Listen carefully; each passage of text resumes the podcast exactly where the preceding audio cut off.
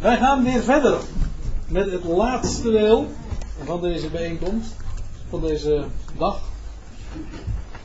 En wij waren dus gebleven bij Jesaja 28. En daar pakken we dan ook maar gewoon weer de draad op. Ik had u gewezen op die vaste spijs. Wat was dat ook alweer? Dat waren de verborgen dingen in het Oude Testament. Oh ja, en toen hebben we aan het einde, dat is het allerlaatste waar ik op gewezen heb, Matthäus 13, de Heer die dan vanaf een bootje het, uh, het volk gaat toespreken. En dat zagen ze wel, maar ze zagen, ze, ze zagen het ook niet echt. Ja. Dat was het laatste. En uh, ik had al gezegd in Jesaja 28 wordt er aangegeven wat werkelijk het woord van God is. Namelijk rust en verademing. En Israël heeft het niet begrepen, want zij hebben ervan gemaakt. Zij hebben ervan gemaakt wet op wet, ijs op ijs. En dan staat er nog in vers 15, nee, vers 16. Daarom, zo zegt de Heer. Heere, Heere, zie, ik leg, ik leg in Zion een steen ten grondslag. Niet voor een, voor een gewone tempel daar te bouwen. Dat zal ook te zijn tijd wel gebeuren. Maar het gaat hier over een, ander, uh, uh, een andere tempel. Maar daar hadden we het eerder van de dag, de dag, al over. Over een woonstede gods in de geest. Zie, ik leg in Sion een steen ten grondslag. Een beproefde steen. Een kostbare hoeksteen van een vaste grondslag. En hij die gelooft, die haast niet. Nou, dat is inderdaad de Heer Jezus Christus. De Eben, de Zoon van de Vader, de Messias. De steen die inderdaad wel gefundeerd is.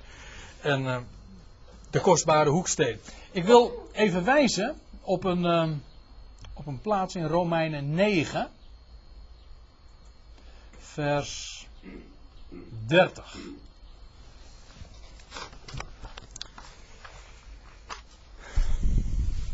Daar wordt het namelijk ook aangehaald. En er wordt een soortgelijke gedachte door Paulus naar voren gebracht, als ook Jezaja al heeft gedaan. Hij zegt, wat zullen wij dan zeggen? Dit. Heidenen die geen gerechtigheid najaagden, hebben gerechtigheid verkregen. Namelijk gerechtigheid die uit geloof is. Ze hebben helemaal niks gedaan. Ze hebben niet nagejaagd. En toch hebben ze het gekregen. Toch Israël, hoewel het een wet ter gerechtigheid najaagde, is aan de wet niet toegekomen. Waarom niet? Vraag. Waarom is er Israël niet aan de wet toegekomen? Dat wil zeggen, waarom heeft Israël nou de wet niet begrepen? Nou, antwoord, omdat het niet uitging van geloof, maar van vermeende werken. Dat woord vermeend staat er eigenlijk niet eens. We staan gewoon, omdat ze niet uitgingen van geloof, maar van werken. Zij dachten namelijk dat de wet uh, gedaan moest worden. Dat wil zeggen, de wet uh, volbracht moest worden met de handen en de voeten. Zij dachten aan werken. Ze, waarom zijn ze aan de wet niet toegekomen? Omdat ze niet gingen, uitgingen, omdat zij dachten dat de wet zegt van je moet werken. En dat is niet zo. De wet is namelijk rust. Het is Torah, het is onderwijzing, het is verademing. En het is belofte. En wat kun je met een belofte doen? Nou, niet werken. Ja, je kunt het gewoon. Het enige wat je met de belofte kunt doen is geloven. Zeg maar amen. Nou, dat is de wet. Dat is precies wat de wet is. Als je dat niet ziet, dan kom je in de wet niet eens toe. Dan heb kun je er, ik weet niet hoeveel over weten. Maar je begrijpt er in wezen geen ene klap van. Want de wet gaat niet over werken, maar over wat God toezegt. En als God iets toezegt, dan kan een mens maar één ding doen en zeggen amen. Ja, of ik kan zeggen, ik, ik believe het niet. Dat is wel een mooi woord. Ik believe het niet. Ik geloof het niet. Ik believe het niet te geloven. Kan wel zeggen. ik believe het niet. Nou, dat kan ook. Maar de waarheid blijft natuurlijk gelijk. Die verandert daar niet door. Het is namelijk, het gaat om geloof. En zij hebben zich gestoten aan de steen des aanstoots. Die steen die daar ook altijd al over sprak. En die hele steen die in zijn hele, zijn hele doen en in zijn zijn, zeg maar, een uitbeelding van die waarheid is. Namelijk dat het niet gaat om werken, maar om wat God doet. Namelijk het voortbrengen van nieuw leven. Leven dat de dood achter zich heeft. En dat is in wezen het hele evangelie. Het evangelie gaat over de opgewekte Christus. En uh, dat wat voorbij de dood ligt. En zij, hebben zich, zij zijn aan die wet niet toegekomen. En aan, zij hebben zich daarom ook gestoten aan de steen die God daar heeft neergelegd in Zion. En ze zijn daar gewoon in Jeruzalem over gestruikeld. Gelijk geschreven staat, vers 33.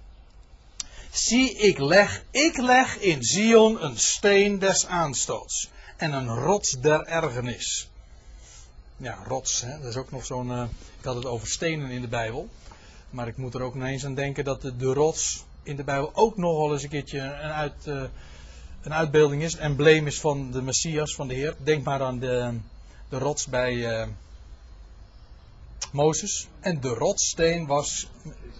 Ja, dubbel S, hè? De rotssteen was Christus. Ja, dat moet ik bij. Ja, ik had dat beter niet kunnen zeggen. Want u, ja, als ik zeg een rotsteen, dan denk ik meteen aan iets anders.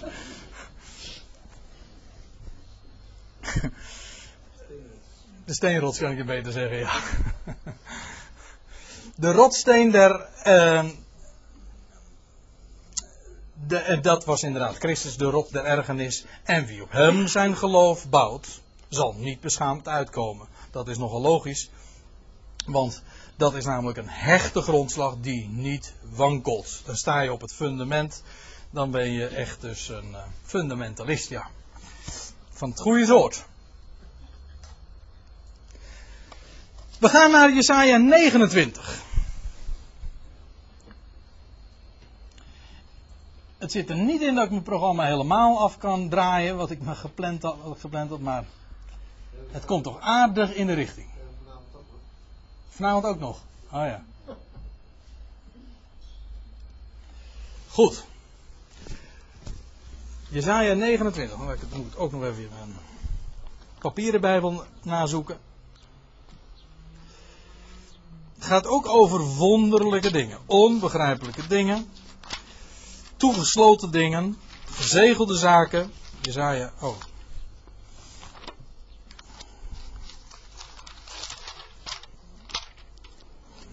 In mijn Bijbeltje staat erboven tegen de geestelijke verblinden.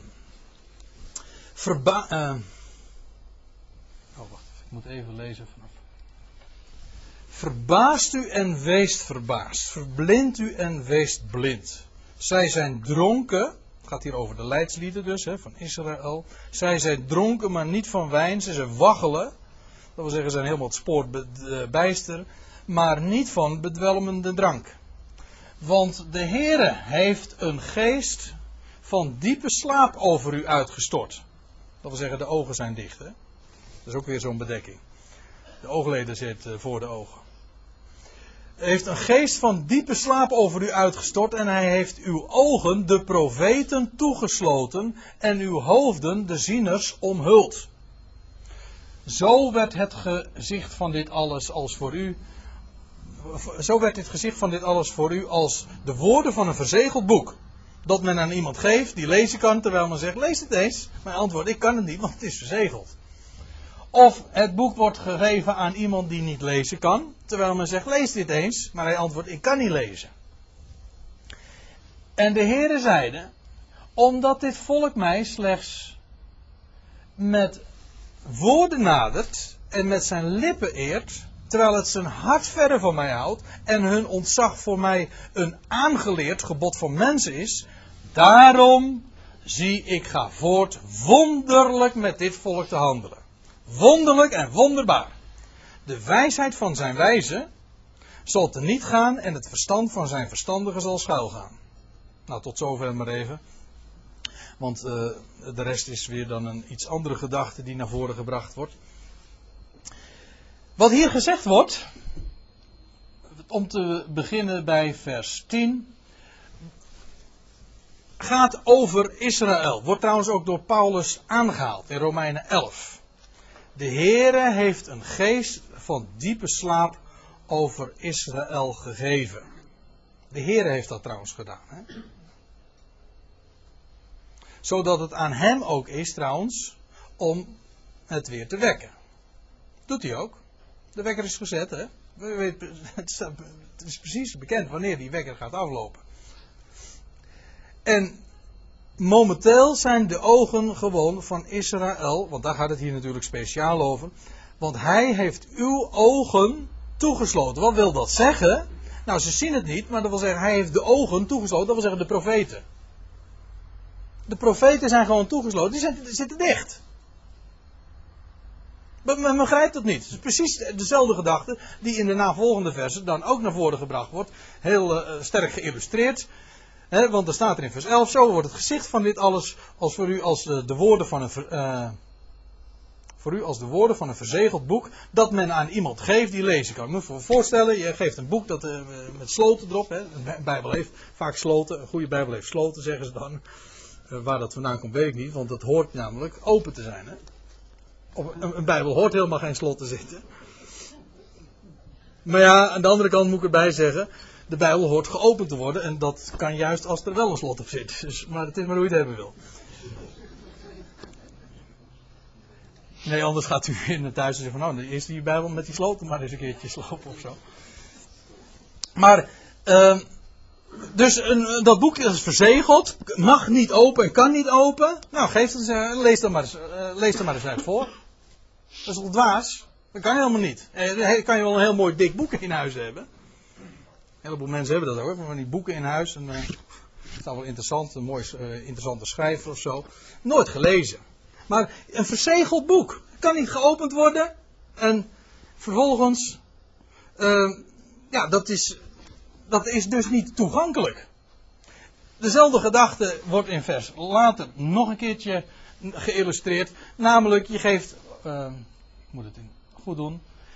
Het boek wordt gegeven aan iemand die niet lezen kan, een analfabeet of, een, of voor mijn part een klein kind. Ik geef aan mijn kleine zoontje, zeg, geef een mooi boek, zeg van nou lees maar eens voor. Ja, ja, ik kan niet lezen. Nee, nou precies. Dus dan, heb je, dan kan je wel een boek hebben. Maar het doet je helemaal niks. Dat is net als aan, mij een, een, een, een, Chinees boek gegeven wordt. Trouwens, dat hoeft niet eens Chinees te zijn. Mag ook eh, Frans wezen of Spaans of zo. Dat begrijp ik niet. Dat is gewoon Chinees voor me, ja. Dat begrijp je niet. Nou, en dan moet u zich voorstellen hoe dit streamend is hoor, wat, wat Jezaja hier zegt. Dit is streamend. Dit is gewoon zo confronterend. Want wat hier gezegd wordt tegen het volk, hè, tegen de leidslieden, tegen de geleerden, die ze hun dagelijkse bezigheid hadden in het bestuderen van het woord. Hij zegt, jullie zijn gewoon blind. Hij zegt, jullie kunnen dan wel experts zijn. Maar het is gewoon een verzegeld boek. Een compleet verzegeld boek. Dus tegen de experts zijn die geacht worden de experts te zijn, die blijken er niets van te weten. Want het is namelijk gewoon een verzegeld boek. Zo zegt, de Heere heeft dat zo ook uh, bepaald. Hè? De Heere heeft, uh, heeft een geest van diepe slaap over u uitgestort. Hij heeft, als je, de, als je de nadruk nog zo legt, dan is het helemaal duidelijk. En hij heeft uw ogen, de profeten, toegesloten. En uw hoofden de ziemers omhuld. En dan staat er ook in vers 13 wat de achtergrond daarvan is. En de Heere zeide. Omdat dit volk mij slechts met woorden nadert en met zijn lippen eert, terwijl het, hart, het zijn hart verre van mij houdt en hun ontzag voor mij een aangeleerd gebod van mensen is. Dat wil zeggen, voor hen is het woord van God helemaal geen woord van God. Het is gewoon een woord van mensen. Trouwens, in de praktijk was het dat ook, omdat men er van alles aan toe heeft gevoegd. En dat. En in wezen heeft men het, uh, er een, een, heel stelsel, een systeem van gemaakt, van wet op wet, ijs op ijs. En daarmee is de echte boodschap totaal verdwenen. En dan kun je een expert zijn, een een geleerde, maar je begrijpt er niets van. Het hele boek is verzegeld. Zo, dat is het. De wet, de Torah, de Tenach is voor Israël verzegeld. Eh, dat, is geen beschuldiging van mij. Eh, dat, staat gewoon in Jezaja. En de Heer Jezus haalt het trouwens ook aan. Want als u dat nog leest in Matthäus 15. In Matthäus 15 vers 6. Ja. Daar zegt, daar zegt hij. Dan zegt de Heer Jezus tegen de, de fariseeën. Tegen de, ook de leidslieden. Is in precies hetzelfde verband als waarin Jezaja het eigenlijk ook heeft uh, geplaatst, die woorden. Zo hebt gij het woord van God, dat is een conclusie hier. Zo hebt gij het woord van God beroofd, uh, van kracht beroofd, ter wille van uw overlevering. Dus op het moment dat een mens allerlei dingen eraan toe gaat voegen, de tradities van, die van Israël, die beroofde Israël van het woord Gods. Nee, beroofde het woord Gods van haar kracht. De kracht is juist gelegen in het feit dat het rust is, verademing, dat het spreekt over wat God doet. God deed en God zal doen. That's it. Alles. En een mens, wat moet een mens dan doen? Nou, een mens kan helemaal niks doen. Alleen als hij het hoort, zegt van, wat geweldig.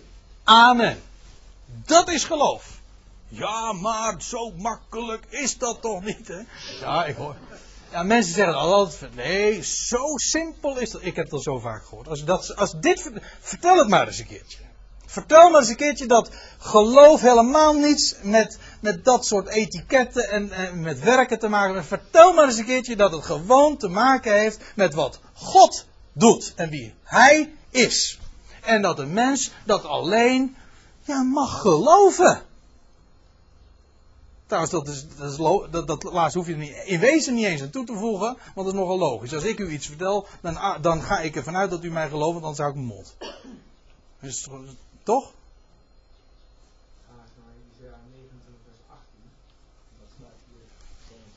Ja, maar ik wil nog eventjes dit, uh, uh, deze twee zinnen die erachter volgen. Huigelaar, zegt de Heer dan. Alsjeblieft zeg. Dat was niet tactisch, hè, dat was diplomatiek incorrect. Ja, toch? Ja, toch? Dat zeg je toch niet? Dat zeg je bovendien niet tegen, tegen leidslieden en zo, tegen hele nette heren en zo. Delegatie, want ik geloof dat het hier om een delegatie uit Jeruzalem ging. Maar dat weet ik niet eens zeker. Maar in ieder geval, terecht heeft Jezaja over u geprofiteerd, zeggende... Dit volk eert mij met de lippen. Dat was echt gewoon buitenkant, een mooi praat. Maar hun hart is ver van mij. Te vergeefs eren ze mij, omdat zij leringen leren die geboden van mensen zijn. U zegt, ja, dat is Jodendom. Oh ja, denk ik dan. Nee, eh, het is namelijk, dit dit is een religie in het algemeen.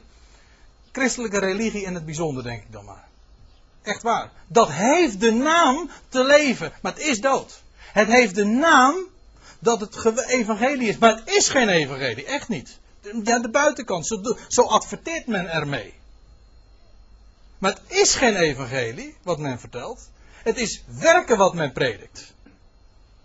En de Heer stelt dat echt scherp aan de kaak. Hij zegt, huigelaars, terecht heeft Jezaja over u geprofiteerd. Het is toch een lippendienst. Het hart is verre. Waarom? Het is allemaal te vergeefs, omdat de leerlingen die zij leren niet uit het woord van God komen, maar ze hebben het zelf verzonnen en vooral, het gaat, het, er is aan toegevoegd en daarmee, het is, je zou zeggen, nou dan heb je toch meer? Nee, eh, als je er aan toevoegt, heb je minder gekregen, dat kan ook nog.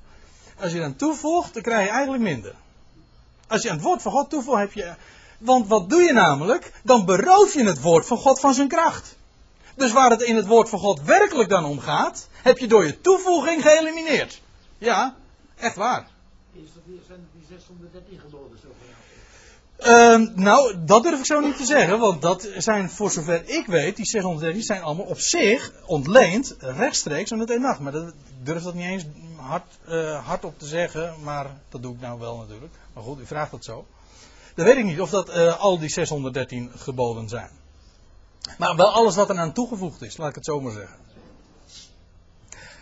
Dit volk eert mij met de lippen. Ja, wacht even. Nou zou ik nog naar Jesaja 29 gaan, hè?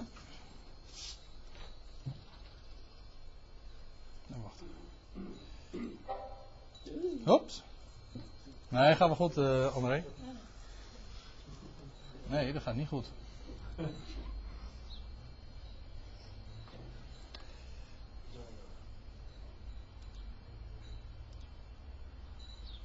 Ja, ja, we zijn er. Maar welk vers doelde jij, uh, 18. Oh, die hebben we niet gelezen, geloof ik. Oh, daarom wees je er natuurlijk even op, hè.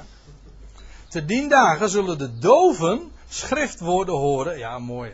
En van donkerheid en duisternis verlost zullen de ogen der blinden zien. En de ootmoedigen zullen steeds meer vreugde hebben in de Heer. En de armsten onder de mensen zullen juichen in de heilige Israëls.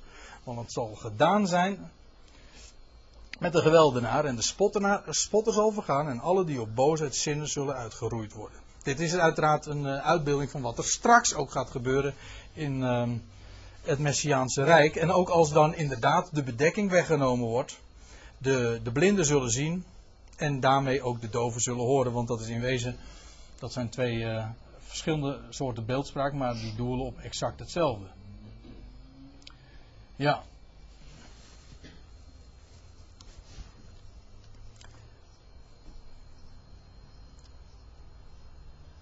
Ja, dat is dus in vers 13. Omdat dit volk mij slechts met woorden nadert en met zijn lippen eert, terwijl het zijn hart verre van mij houdt en, ontzag voor, en hun ontzag voor mij een aangeleerd gebod voor mensen is. Daarom Zie, ik ga voort wonderlijk met dit volk te handelen. Wonderlijk en wonderbaar. Drie keer hetzelfde. Dus drie, drie, keer wonderlijk. Dat wil zeggen, het is drie keer wordt er gezegd dat het onbegrijpelijk is wat God vervolgens gaat doen. Dus omdat Israël inderdaad het woord van God niet verstaat, het ook toegesloten is, en ze daarom, maar dat hadden we al gelezen in Jezaja 28, ze daarom ook struikelen over die steen des aanstoots. En dus, maar de, hier staat weer hetzelfde, alleen op een andere manier geformuleerd. Daarom zie, ik ga voort wonderlijk met dit volk te handelen. Op een onbegrijpelijke manier, wonderlijk en wonderbaar. De wijsheid van zijn wijze, dat wil zeggen hier speciaal van Israëls wijze, zal niet gaan en het verstand van zijn verstandigen zal schuilgaan. Dat wil zeggen, de wijsheid en het verstand zijn zoek. Daar waar het geacht werd te zijn, daar is het niet meer. De wijsheid is schuilgaan, oftewel, de, de wijsheid is, als het schuil gegaan is, dan is het dus verborgen. Ja, nou dat, dat woord wilde ik horen. Dat wijsheid is gewoon verborgen dan. Dat, dat is er dan niet meer. En dat is. Ja, je kunt hier gewoon. één op één. de Colossensebrief naast leggen. Opleggen. En dan zie je gewoon. dat dat volstrekt samenvalt. Want wat, wat er gebeurt is. Israël heeft de boodschap niet begrepen. Ze, hebben, ze zijn gestruikeld over de steen. Over de steen des aanstoots. Waarom staat er dan? Nou, omdat ze uitgingen van werken. En dat is de wet helemaal niet. Dat wordt wel gedacht, maar dat is het niet. En daarom, en het is wel terechtgekomen bij heidenen, die totaal niks deden, maar die hebben gewoon gehoord van de belofte van God en eh, over de, over de geweldige evangelie dat de dood er niet gedaan wordt en het leven aan het licht gekomen is. Die, en die hebben dat geloofd. Die hebben blijde boodschap. Gewoon blijde boodschap. Puur goed bericht. Gehoord. En ze hebben gezegd: geweldig, amen. Dat is geloof. Maar, als dat dus bij heidenen vervolgens terechtkomt, bij de Joden is het niet geland, maar vervolgens is datzelfde woord terechtgekomen in de heidenwereld. De bouwlieden hebben de steen verworpen, maar nochtans is het tot een hoeksteen geworden een fundament, een, een wel, hoe staat het, een welgefundeerde grondslag. Voor een ander bouwwerk, maar dan onder de heidenvolkeren. Nou, ik zeg, je kunt daar één op één de, de Colossensebrief naast leggen, of opleggen. Laten we dan daar eventjes naartoe gaan. Colossense 1.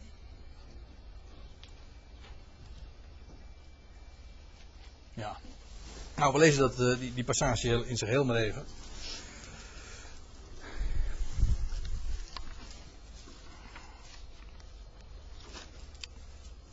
Dan zegt Paulus, thans verblijd ik mij over hetgeen ik om uwentwil leid en vul ik in mijn vlees aan wat ontbreekt aan de verdrukkingen van Christus ten behoeve van zijn lichaam, dat is de gemeente.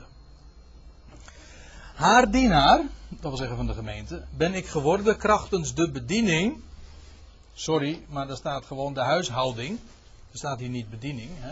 Er staat oikonomian, dat wil zeggen de huishouding. De Statenvertaling zegt, geloof ik, als ik me niet vergis, de bedeling van God, ja. Welker dienaar ik geworden ben naar de bedeling, de huishouding dus. Uh, die mij door God is toevertrouwd om onder u, de heidenen, het woord van God tot zijn volle recht te doen komen. Dat wil zeggen het woord van God te completeren, want dat is wat er eigenlijk staat. Te vervullen staat er hier, hè? Ziet u? Tot zijn volle recht te doen komen, dus gewoon te vervullen, compleet te maken. Op, gewoon aan te vullen, op te vullen. Dus dat nog toe te voegen wat ontbrak. Dat is eigenlijk de gedachte. Dus haar dienaar van de gemeente, dat is het lichaam van Christus, ben ik geworden krachtens de huishouding, de bedeling die mij door God is toevertrouwd, om onder u het woord van God te vervullen, te completeren. Het geheimenis dat aionen en geslachten lang verborgen is geweest, maar thans geopenbaard aan zijn heiligen. Dus het was al die tijd verborgen. Zeg niet dat het er nergens was. Het was verborgen. Maar het is thans geopenbaard aan zijn heiligen. Dat wil zeggen aan speciaal daartoe apart gezette, want dat betekent gewoon heilige. Uh, wacht even, vers 27. Hun heeft God willen bekendmaken hoe rijk de heerlijkheid is van dit geheimenis, van die verborgen dingen. Van die verborgen dingen onder de heidenen. Christus onder u, onder, ja, u meervoud hè. Niet Christus in u, uh, zo in ons hartje of zo, waar we het er net over hadden. Nee, Christus onder jullie. Christus in, de, ja, in u, ja. Dat is de, wat er staat. Christus onder u, de hoop der heerlijkheid. Hem verkondigen wij, wanneer we ieder mens terechtwijzen en ieder mens onderrichten in alle wijsheid, om ieder mens in Christus volmaakt te doen zijn. Hiervoor span ik mij ook in om de zware strijd naar zijn werking die in mij werkt met kracht. Want ik stel de prijs op dat ge weet hoe zware strijd ik te voeren heb voor u en voor hen die te Laodicea zijn en voor alle die mijn aangezicht niet hebben gezien in het vlees. Dus is maar geen hobbyisme waar Paulus mee bezig was. Het was, het was gewoon knok hoor. In, in de praktijk blijkt dat trouwens altijd, als je de waarheid vertelt, dan kun je zeggen van dat is toch vriendelijk, dat is wel heel aardig als je mensen vertelt hoe het zit. Dat is toch niet agressief of zo? Nee, maar moet je eens opletten wat gebeurt. Vertel het maar eens een keertje. Laat het licht maar eens schijnen. Hoe, hoe, confronterend dat kan zijn. Nou, Paulus zegt hier, als ik stel een prijs op hoe, dat gij weet hoe zware strijd ik te voeren heb. Niet omdat Paulus zo militant was. Nou, hij was het trouwens wel, maar ooit. Maar dat was het niet. Hij had een evangelie te vertellen. Maar aangezien dat zoveel weerstand oproept, kom je ongewild gewoon in strijd terecht. Waarna mensen natuurlijk vervolgens zeggen van dan ben je een scheurmaker en zo. Uh, maar dat is het. Hè. Zware strijd heb ik te voeren voor u en voor hen die te Laodicea zijn. En voor alle die mijn aangezicht niet hebben gezien in het vlees. Want Paulus deed ook gewoon zijn werk schriftelijk. Zoals hier, hè, gelukkig maar, denk ik maar, want dat, nou kunnen wij het lezen. Opdat hun harten, dat, want hij eigenlijk heeft het over ons, hè. En voor alle die mijn aangezicht niet hebben gezien in het vlees. Nou, dat heb ik niet en u ook niet. En dus kunnen we er op deze wijze kennis van nemen. Opdat hun harten getroost en zij in de liefde verenigd worden tot alle rijkdom van een volledig inzicht en zij het geheim menis van God mogen kennen, Christus, in wie al de schatten van wijsheid en kennis verborgen zijn. Heb je nog, weet u nog dat we lazen in vers uh, in Jesaja 29 dat de wijsheid zal schuilgaan en het verstand en de kennis. Waar gaan ze schuil? In Christus. Daar gaat het schuil. En daar kun je het op twee manieren opvatten. Christus is in de hemel momenteel. Hè, achter het voorhangsel als die hoge priester. Dat is de enige gedachte. Dat is de enige gedachte. Maar de andere gedachte is dat hij vandaag verborgen is onder de heidenen. Christus onder jullie heidenen. Daar is hij nu verborgen. Niet in Israël, waar straks. Kijk, je moet eigenlijk ook het contrast heel goed in de gaten hebben. We hadden het er al eerder vanmorgen over in, eh, gedurende de pauze. Dat als je natuurlijk geen zicht hebt. Het, het ging er namelijk eventjes om. Uh, ja, dat het soms zo moeilijk is om, eh, om nou uit te leggen waar we een dag als deze mee, mee bezig geweest zijn. Vertel het maar eens een keertje. Je zegt, nou, daar zal jij weinig moeite mee hebben, want je, je staat een hele dag te, te oreren. Ja, maar vertel nou eens een keertje gewoon in simpel Nederlands wat, wat de verborgenheid is. Dat valt niet eens mee, echt niet. Vooral niet als je weet, uh, als je je realiseert, dat, dat mensen zelfs uh, het, het ABC niet kennen. Ik bedoel, ik bedoel dit. Als je niet weet dat God straks zijn plan met Israël gaat volvoeren. En dat hij. Dat, dat de kerk niet, de, gemeente, de, wat, er, wat er momenteel gebouwd wordt, dat dat niet een eindstation is in Gods werken. En dat, dat als dat af is, nou, nou een nieuwe hemel en nieuwe aarde en dan is het allemaal, uh, het begint het hiernamaals. Als je dat denkt, dan kun je, nooit, dan kun je de, de verborgen dingen nooit begrijpen. Want die verborgen dingen hebben nu juist te maken met de onderbreking. Maar als je niet eens ziet van dat er sprake is van een onderbreking. Kijk, het is een onderbreking in Gods werk, in Gods handelen met Israël. Maar als je niet eens gelooft in de toekomst voor Israël, dan is er helemaal geen eens een onderbreking. Kortom, dan is bij voorbaat al de pas afgesneden om überhaupt nog iets te verstaan van de verborgenheid. Want die verborgenheid, dat is juist een verborgenheid omdat het te maken heeft met een onderbreking met het feit dat God straks gewoon voortzet waar hij ooit mee begonnen was. Want u weet, hij verlaat toch nooit wat zijn hand begonnen. Hè? Dat, is, dat, dat, is, ook zo'n mooie tekst. Hè? Wat zit daarin verborgen? Nou, daar zit bijvoorbeeld dit in verborgen. Hij zou, zijn, hij zou zijn werk ooit wel beginnen en hij zou het ook weer afmaken. Maar onderwijl, hij zou het, in die tussentijd zou het onderbroken worden. Alsjeblieft, dat is ook weer die verborgen dingen. Hij zou gewoon afmaken waar hij ooit mee begonnen was. En, maar als hij dat niet ziet, ja, nou dan, dan is het moeilijk. Als je dus al geen toekomst voor Israël ziet en dat, dat hier op aarde heel concreet, dat hij zijn voet straks zal zetten op de Olijfberg, dat hij in Jeruzalem zal heersen en dat, dat Israël weer hersteld zal worden. Als je dat allemaal niet ziet, dan begrijp je helemaal niet het unieke van deze, van deze huishouding, van deze bedeling. Maar Christus is. Het is wel uniek waar we, waar we het over hebben. Want wat er geprofiteerd, wat voorzegd was, en dat is wat de Joden ook weten, als de Messias komt. Oh, dat is, dat is precies ook waarom, uh, waarom Joden niet geloven in het Evangelie. Die zeggen van nou, als ik in de Bijbel lees, dan, dan uh, is het zo dat als de Messias komt, dan wordt het koninkrijk hersteld. En dan zal hij zal heersen vanuit Jeruzalem. En dan zal het op de aarde een paradijs worden. Dat is waar. Maar niet direct. Want hij zou eerst verworpen worden door de bouwlieden, weet u wel. En in die tussentijd zou hij niettemin toch een hoeksteen zijn. Van een ander bouwwerk, van een geestelijk bouwwerk. En er zou sprake zijn van verborgen dingen. Begrijpt u? Dat, dat zijn dingen. Die verborgen dingen kun je alleen maar begrijpen. Wanneer je ook een, het, het, het, wanneer het raamwerk, wanneer je ook weet wanneer het raamwerk klopt, wanneer je ook weet dat er nog een toekomst voor Israël is, dat het niet straks is swoosh en dan het hiernamaals of zo, maar dat, God, dat er nog eeuwen zijn die komen zullen. Eeuwen, wat zijn dat nou weer? Ionen. Al dat soort dingen. Ja, dat, uh, je wordt toch geacht dat als je Bijbelstudie doet, van die dingen kennis te hebben. Nou, waar het nu even om gaat, is Christus in wie al de schatten van wijsheid en kennis verborgen zijn. Als je kennis wil hebben, als je wijsheid wil hebben, dan is het bij Hem. In Hem is het inderdaad verborgen. Het ligt niet voor het openraam, het is verborgen.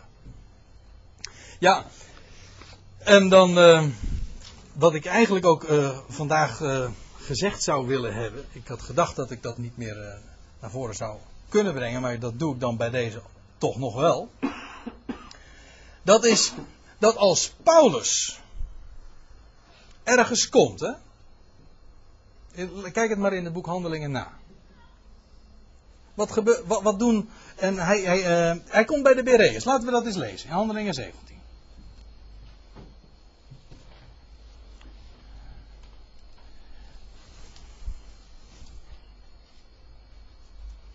Ja, daar heeft Menno ooit eens een keertje een mooie toespraak hierover gehouden. Maar ik, ik uh, wil het nu op een uh, wat andere, van, vanaf de andere kant benaderen, zeg maar. Daar staat in vers 10, uh, de, maar de broeders stonden terstond in de nacht Paulus en Silas naar Berea, die daar aangekomen naar de synagoge der Joden gingen.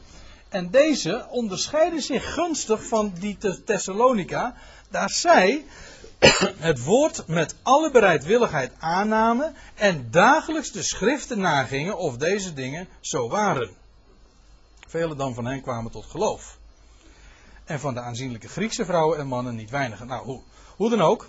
Daar zie je trouwens ook in vers 13 weer. Maar toen de Joden uit Thessalonica bemerkten dat het woord Gods ook te Berea door Paulus werd verkondigd, kwamen ze ook daar de schade opzetten en verontrusten. Het is altijd weer diezelfde gang van zaken in het boek Handelingen. Maar het gaat mij eventjes om dit punt. Dat Paulus daar in, in Berea komt. En die mensen daar, die onderscheiden zich gunstig. Waarom nou? Nou, ze gingen in de schriften naar of het inderdaad zo was. Waaruit dus volgt dat Paulus' prediking gewoon gebaseerd was op het Oude Testament. Toch? Anders konden zij dat niet nagaan. Ik zal het u nog verder sterker vertellen. In Handelingen 26. Daar staat in vers 22. Hmm, zeg ik het goed? Ja. Er staat dan voor Agrippa. Dan zegt hij: Hierom hebben de Joden mij in de tempel gegrepen en getracht mij om te brengen. Als een getuige die hulp van God heeft ontvangen. Staat hij daar in die, in die rechtszaal dat paleis of wat het ook maar geweest mogen zijn, die hulp van God ontvangen heeft, tot op deze dag sta ik hier dus voor klein en groot, zonder iets anders te zeggen dan wat de profeten en Mozes gesproken hebben dat geschieden zou. Hier ook.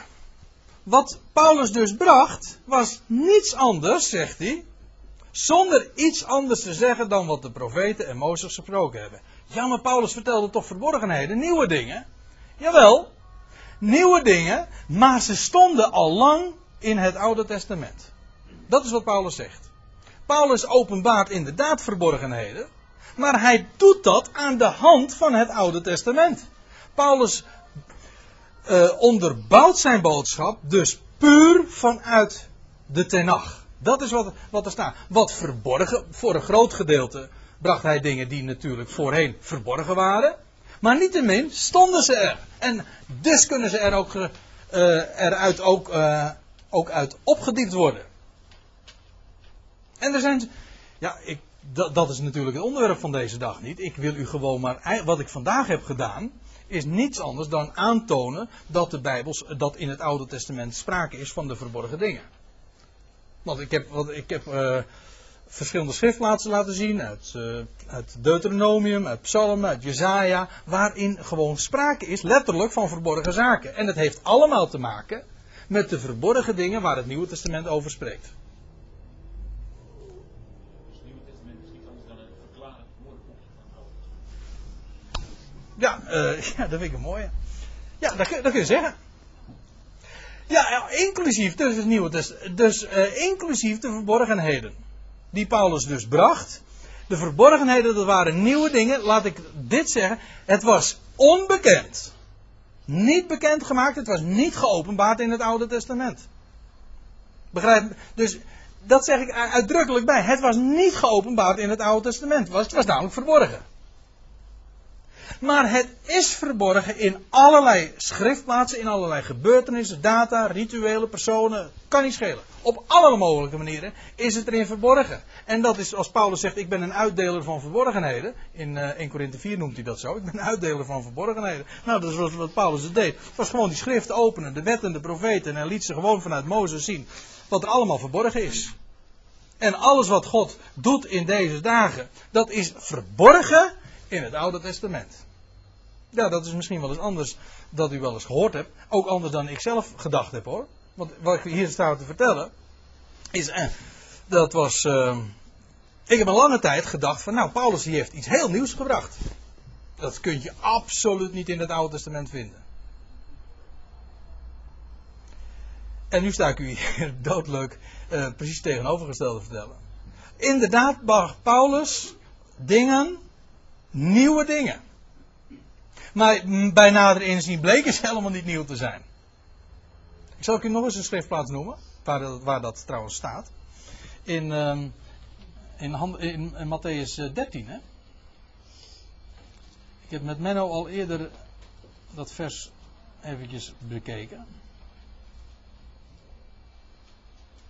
Oh ja, dan zegt de Heer, nadat hij dus al die gelijkenissen heeft uitgelegd vanuit dat scheepje dus, want we waren al eerder in Matthäus 13. En dan zegt hij, dat is de laatste gelijkenis. Dat is een soort appendix. Het is niet een echte gelijkenis meer. Nummer 8 is het trouwens. Hè? Hè? Oh, Matthäus 13, vers 52. Hij zei tot hen, daarom is iedere schriftgeleerde, moet u, realiseert u zich, hij heeft nu dus allemaal verborgenheden verteld. Daarom, dus aansluitend daarop, en dat is ook dus de reden, daarom is iedere schriftgeleerde die een discipel geworden is, van het koninkrijk der hemelen, gelijk aan een heer des huizes, die uit zijn voorraad, ja wat is nou de voorraad van de schriftgeleerde? Ja, dat is gewoon de schrift natuurlijk. Hè? De voorraad van, de schriftgeleerde, van, een, van, een, van een schriftgeleerde die een discipel geworden is, is gewoon is niets anders dan een. Uh, dat is schrift, de tenach, ja precies. Die is gelijk aan een heer des huizes die uit zijn voorraad, lees dus uit de tenach, nieuwe en oude dingen tevoorschijn brengt. Dus ja, die oude dingen, die wist, dat gaat dus over de dingen die bekend waren. Maar er zitten zoveel nieuwe dingen in. Wat voor nieuwe dingen dan? Nou, die nieuwe dingen die er al wel lagen, maar die onbekend waren. Waarom? Omdat er een bedekking op lag. Dat is het. Daarom is het toch nieuw. Dus als je zegt van was het nieuw wat Paulus vertelde, dan kun je zeggen ja, dat is goed te verdedigen. Dat is heel goed te verdedigen. Ik heb het altijd gedacht, het was het enige antwoord dat ik kende. En nu zeg ik bij nader inzien, dat is niet in contrast daarmee, maar uh, toch wel als aanvulling daarop. Het is inderdaad nieuw, maar bij nader inzien toch eigenlijk ook weer nieuw en het is wel oud. Het stond er namelijk al lang. Het was, stond al lang in die voorraad. Het lag, het lag er al lang, alleen er lag een doek over of zo. Een sluier. Ik moet er altijd aan denken. Uh, ja, ik, ik, ik, zoek, ik, zoek, het nou niet op, maar uh, het staat ergens in, in Rut. Dat is ook een, is een prachtig. Dat is trouwens ook weer zo'n uh, verborgenheid. Hè? Nou, ik zoek het toch even op. Want anders weet ik het niet goed te vertellen. In, ehm, in Rut 4 is het, meen ik.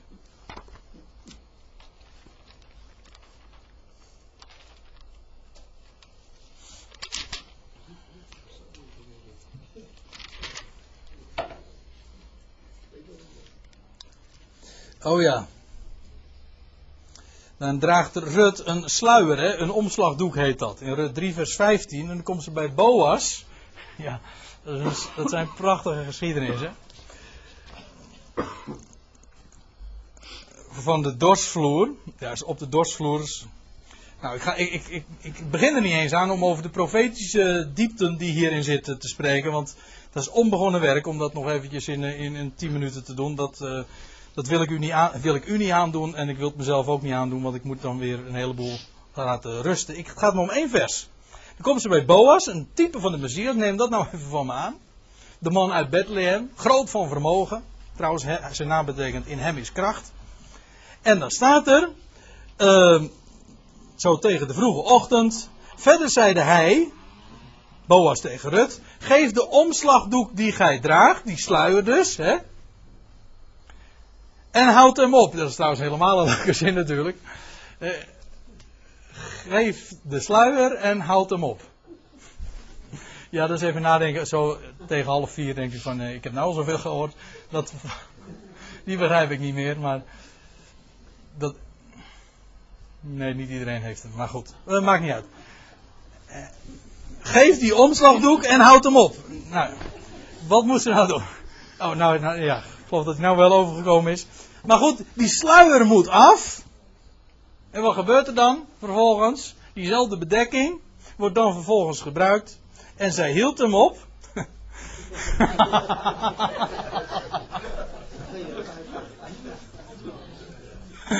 ja. En ze hield hem op, ze deed dus niet. Nee. nee. En ze deed dus inderdaad wat hij zei.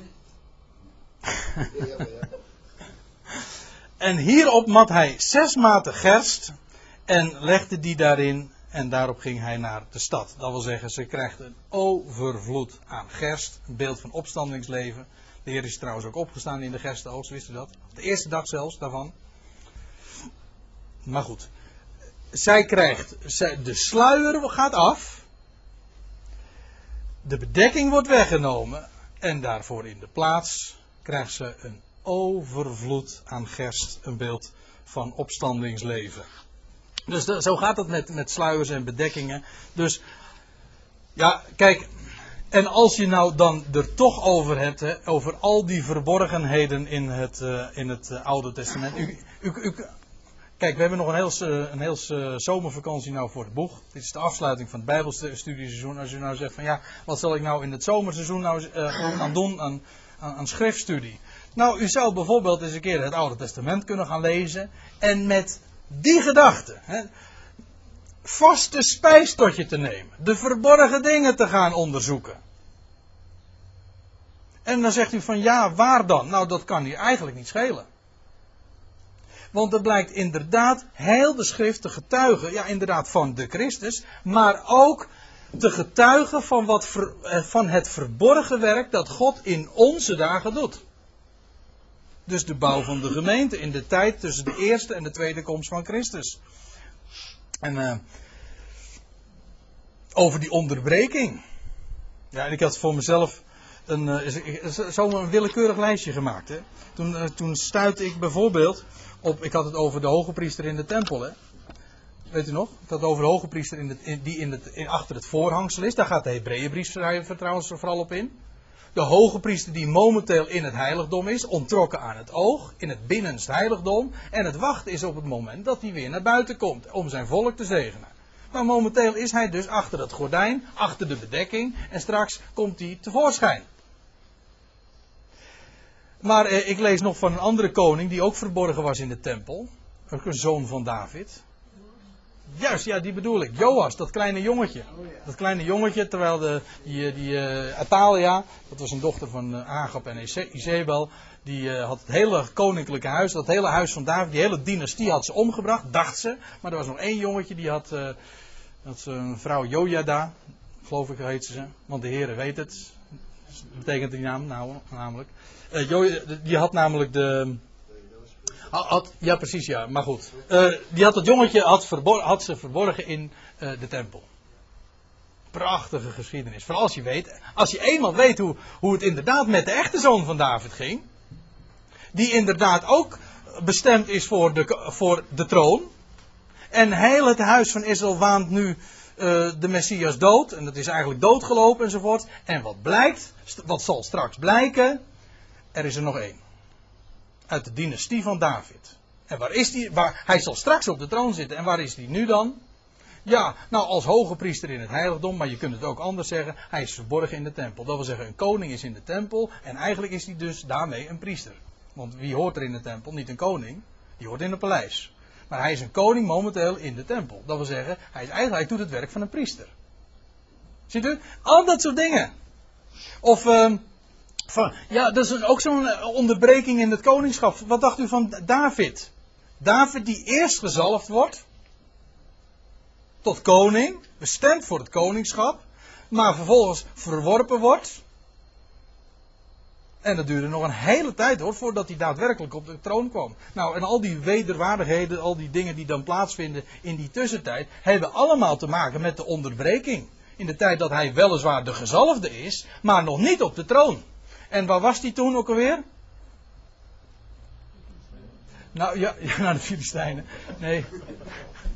Nee, dat bedoel ik niet. Nou, er waren allerlei gebeurtenissen. Dat hij eh, bij die priesters in Nop komt. En dat hij van de toonbroden eet. En ook weer in het heiligdom ingaat trouwens. Heel gek.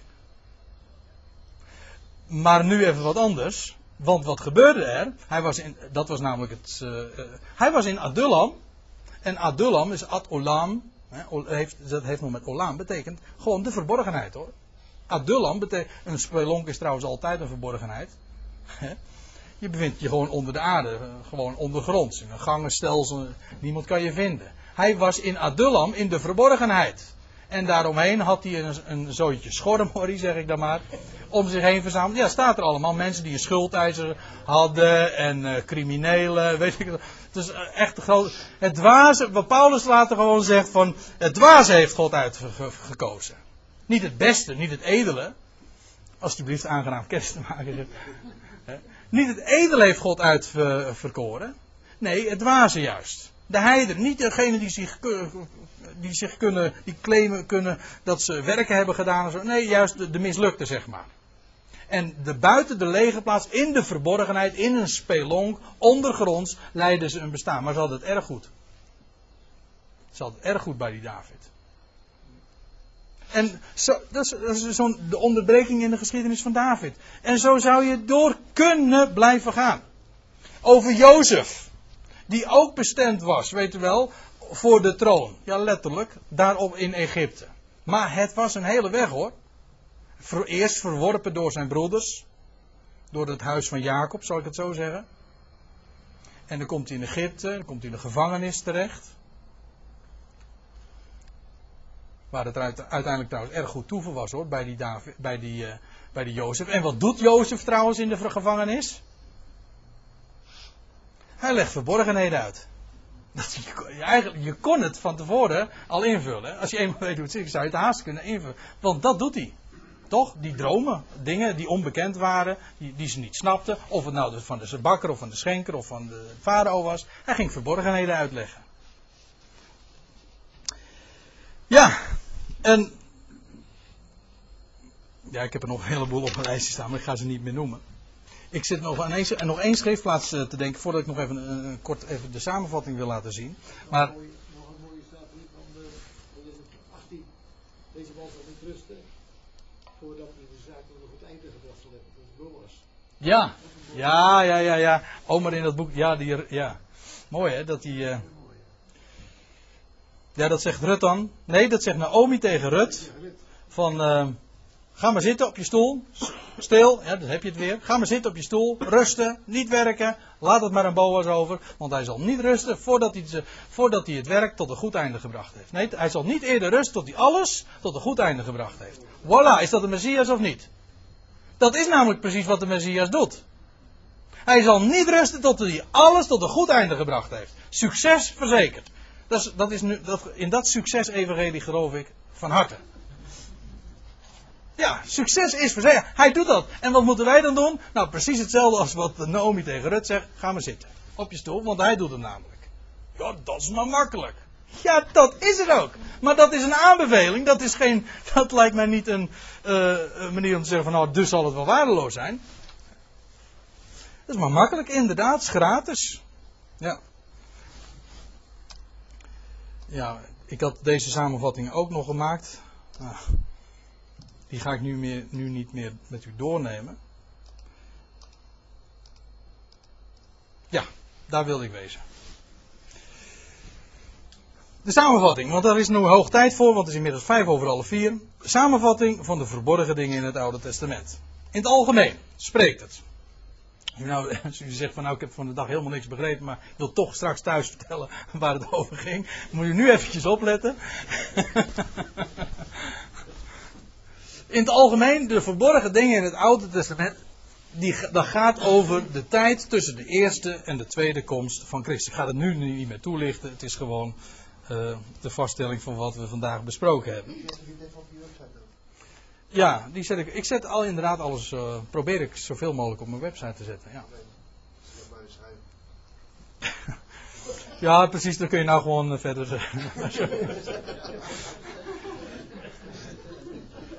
het komt trouwens. Het komt trouwens. Uh, inderdaad, binnenkort hoop ik het op mijn website te zetten. En wat wil ik nog meer zeggen? Nou goed. ander punt.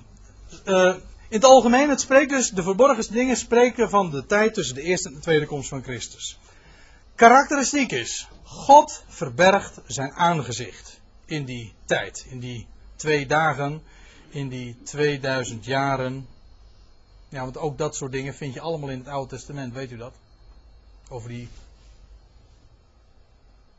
die uh, gang door de Jordaan, dat Israël door de, de ark moest volgen. Die, ja, Israël moest de ark volgen door de Jordaan, door de dood en opstanding heen. En dat doet ze ook wel. Ze volgt de ark ook. Maar er zij tussen u en de ark een afstand van 2000 ellen. Dat wil zeggen, Israël volgt haar Messias wel, maar er moet, is wel een afstand gelegen. En welke afstand van ongeveer 2000 ellen? Nou, daar mag u ook nog eens over nadenken. Uh, het boek andere aspect van de verborgen dingen in het Oude Testament, behalve dan dat God zijn aangezicht verbergt, is dat de wet verzegeld is en dus de inhoud verborgen.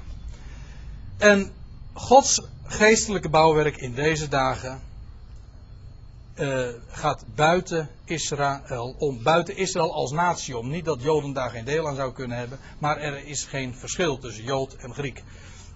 En dat is ook karakteristiek voor onze huishouding, onze bedeling. En, en nou zijn we eigenlijk weer terug bij af. De cirkel is rond. De slang bijt in zijn. De verborgen dingen zijn voor de Heere, onze God. Voor Hem zijn, het, zijn ze bestemd. Dus niet alleen maar een onderbreking van zijn werk, als een obstakel. Nee, in die onderbreking doet hij juist het voornaamste wat er gedaan moet worden. Het is bestemd namelijk voor hem. Het, is, het heeft verband, houdt verband met het hoofd dat zijn lichaam, eh, het hoofd dat een lichaam krijgt en het, uh, de vorming van de gemeente. Bestemd voor de hemel, bestemd voor de hoogste plaats. De verborgen dingen zijn voor de Heere onze God. En daar wilde ik het bij laten.